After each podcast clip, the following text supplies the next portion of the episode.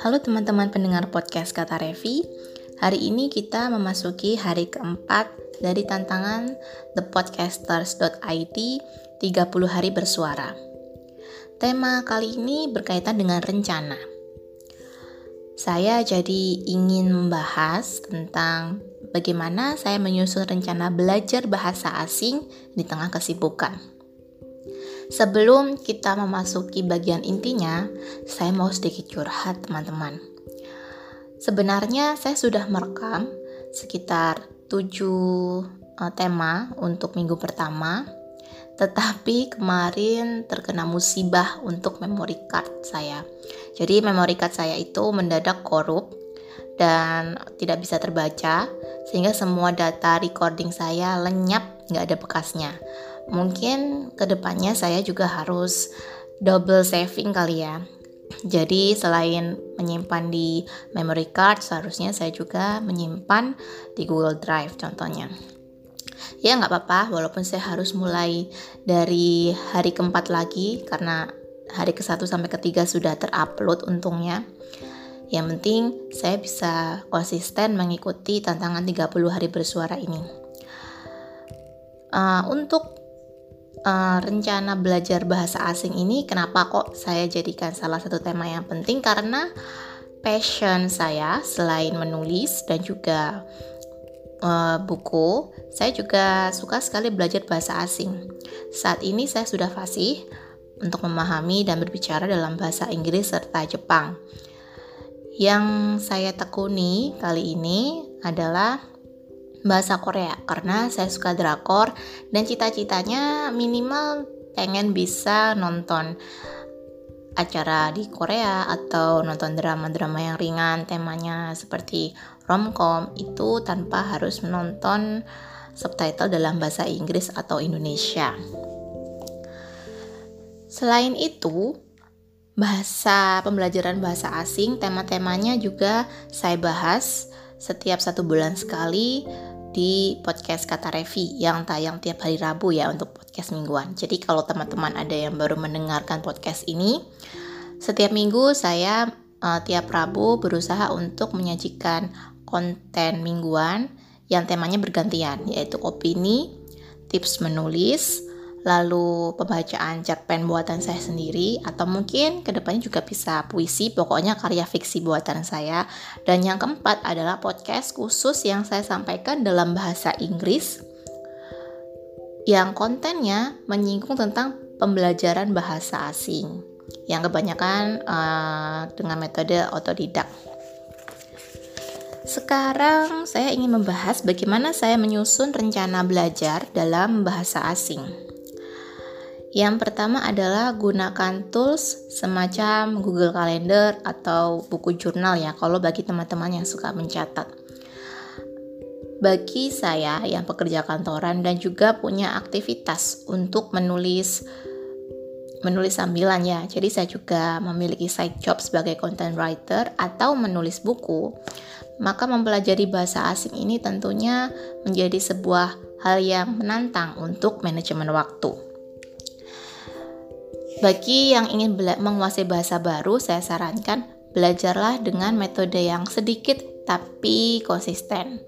Misalnya satu hari kita belajar 15 menit, tapi kita continue selama 3 hari atau 4 hari per pekan misalnya.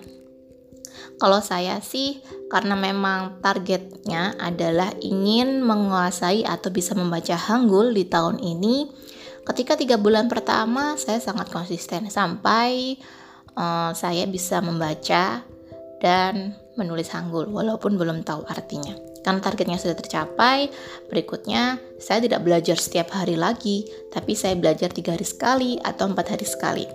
Itu pun diselingi dengan pembelajaran bahasa Inggris dan Jepang. Tetapi yang perlu teman-teman ingat, ketika teman-teman ingin mempelajari bahasa lebih dari satu, pastikan bahasa yang pertama, bahasa asing yang pertama teman-teman pelajari harus sudah acek dulu, sudah dalam tahap intermediate misalnya. Contohnya saya saya belajar bahasa Inggris kan sejak SD ya sampai uh, kuliah juga ada pelajaran bahasa Inggris tapi sedikit. Di situ saya sudah mantap, saya bisa berbicara, saya bisa berbahasa dengan baik dengan orang lain. Maksudnya bukan soal grammar ya, tetapi saya sudah bisa berbincang-bincang dengan kawan yang juga native atau yang menggunakan bahasa utamanya bahasa Inggris. Karena komunikasi sudah bisa dan saya juga bisa membaca artikel atau buku tanpa harus banyak melihat kamus, saya rasa kemampuan bahasa Inggris saya sudah lumayan mumpuni. Untuk bahasa Jepang, saya merasa sudah lumayan juga karena saya sudah tetap sampai tahap bisnis level. Kalau di Jepang itu kan ada ujian Noryokushiken ya. Nah, saya sudah sampai lulus di level 2 yang termasuk level intermediate. Satu tahap lagi sebelum level advance atau N1. Karena sudah merasa tinggal mengingat-mengingat saja, contohnya kalau mau belajar bahasa Inggris atau Jepang itu tinggal memutar podcast atau membaca buku tanpa harus belajar yang uh, takut-takut banget. Makanya saya lebih banyak mengulas atau belajar ulang bahasa Korea yang baru saya pelajari. Tapi itu pun santai ya. Jadi saya tulis di Google Calendar kira-kira 15 menit ini mau saya pelajari buat bahasa apa ya, seperti itu. Dan belajarnya pun tidak harus pagi, tidak harus malam. Bahkan ketika di sela waktu istirahat kerja, saya bisa mengulang pelajaran bahasa tersebut. Jadi teman-teman tidak perlu kaku dalam membuat jadwal, yang penting konsisten waktunya berapa menit atau mungkin setengah jam dan sempatkan selingkan waktu di sela-sela waktu tersebut. Daripada buat scrolling medsos yang nggak penting, lalu insecure lihat postingan orang lain, mending kan teman-teman bisa gunakan untuk belajar yang bermanfaat kan. Itu yang pertama. Jadi gunakan tools seperti kalender atau jurnal untuk membuat schedule belajar. Yang kedua, pastikan teman-teman sudah tahu level atau goal yang ingin teman-teman capai. Jadi, sebelum kita mau belajar sebuah bahasa, buatlah target atau level yang bisa kita capai dulu. Jangan terlalu muluk-muluk misalnya dalam waktu tiga bulan ingin berbicara bahasa Jepang dengan lancar. Itu akan membuat kita stres ya. Jadi ya buatlah yang santai misalnya 6 bulan pertama bisa lancar menulis hiragana, katakana, dan kanji, atau seperti saya yang satu tahun pertama ingin luas dulu menulis hanggul dan membacanya. Jadi teman-teman nggak perlu stres untuk membuat target yang terlalu wow.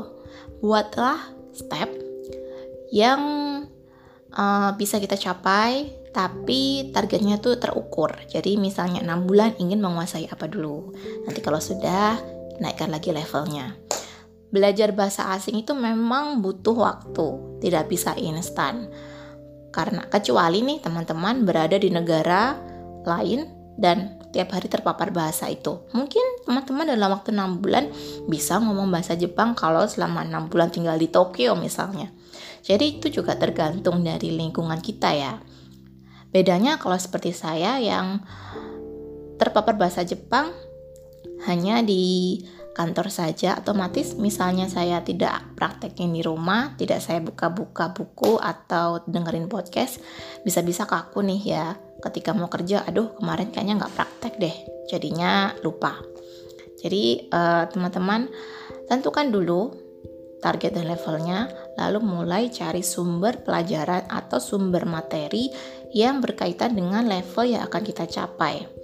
Misalnya saya ingin bisa menguasai Hangul. Maka saya mencari materi belajar yang sekiranya menarik buat saya pribadi.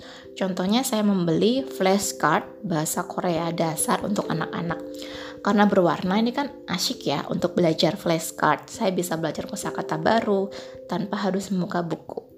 Seperti itu. Lalu uh, yang terakhir adalah gunakan teknik Pomodoro. Jadi misalnya begini, teman-teman belajar dalam waktu 15 menit. 5 menit fokus, lalu 5 menit istirahat, 5 menit fokus lagi. Gunakan alarm.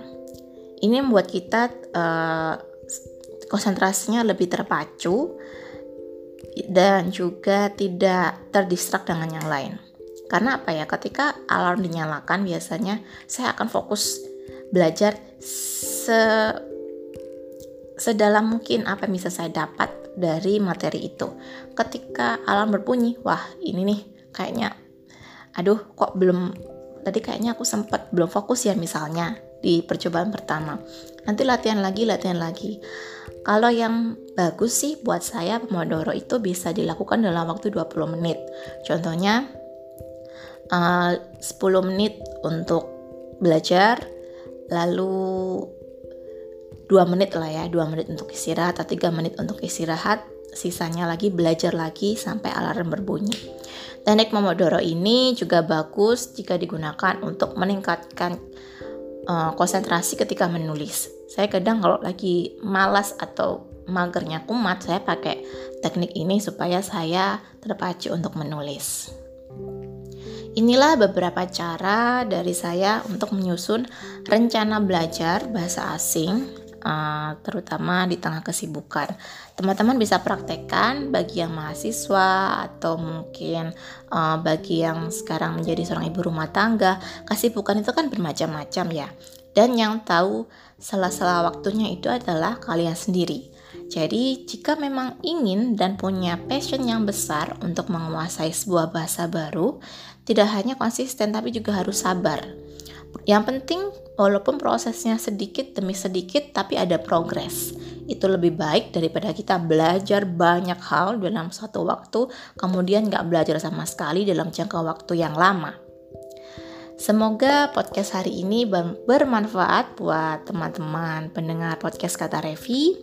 Jika ada kritik, saran, atau mungkin uh, ingin menyampaikan pendapat, tentang podcast hari ini atau mungkin podcast-podcast saya yang lain, kalian bisa DM di Instagram at kata underscore revi, K-A-T-A underscore R-E-F-F-I.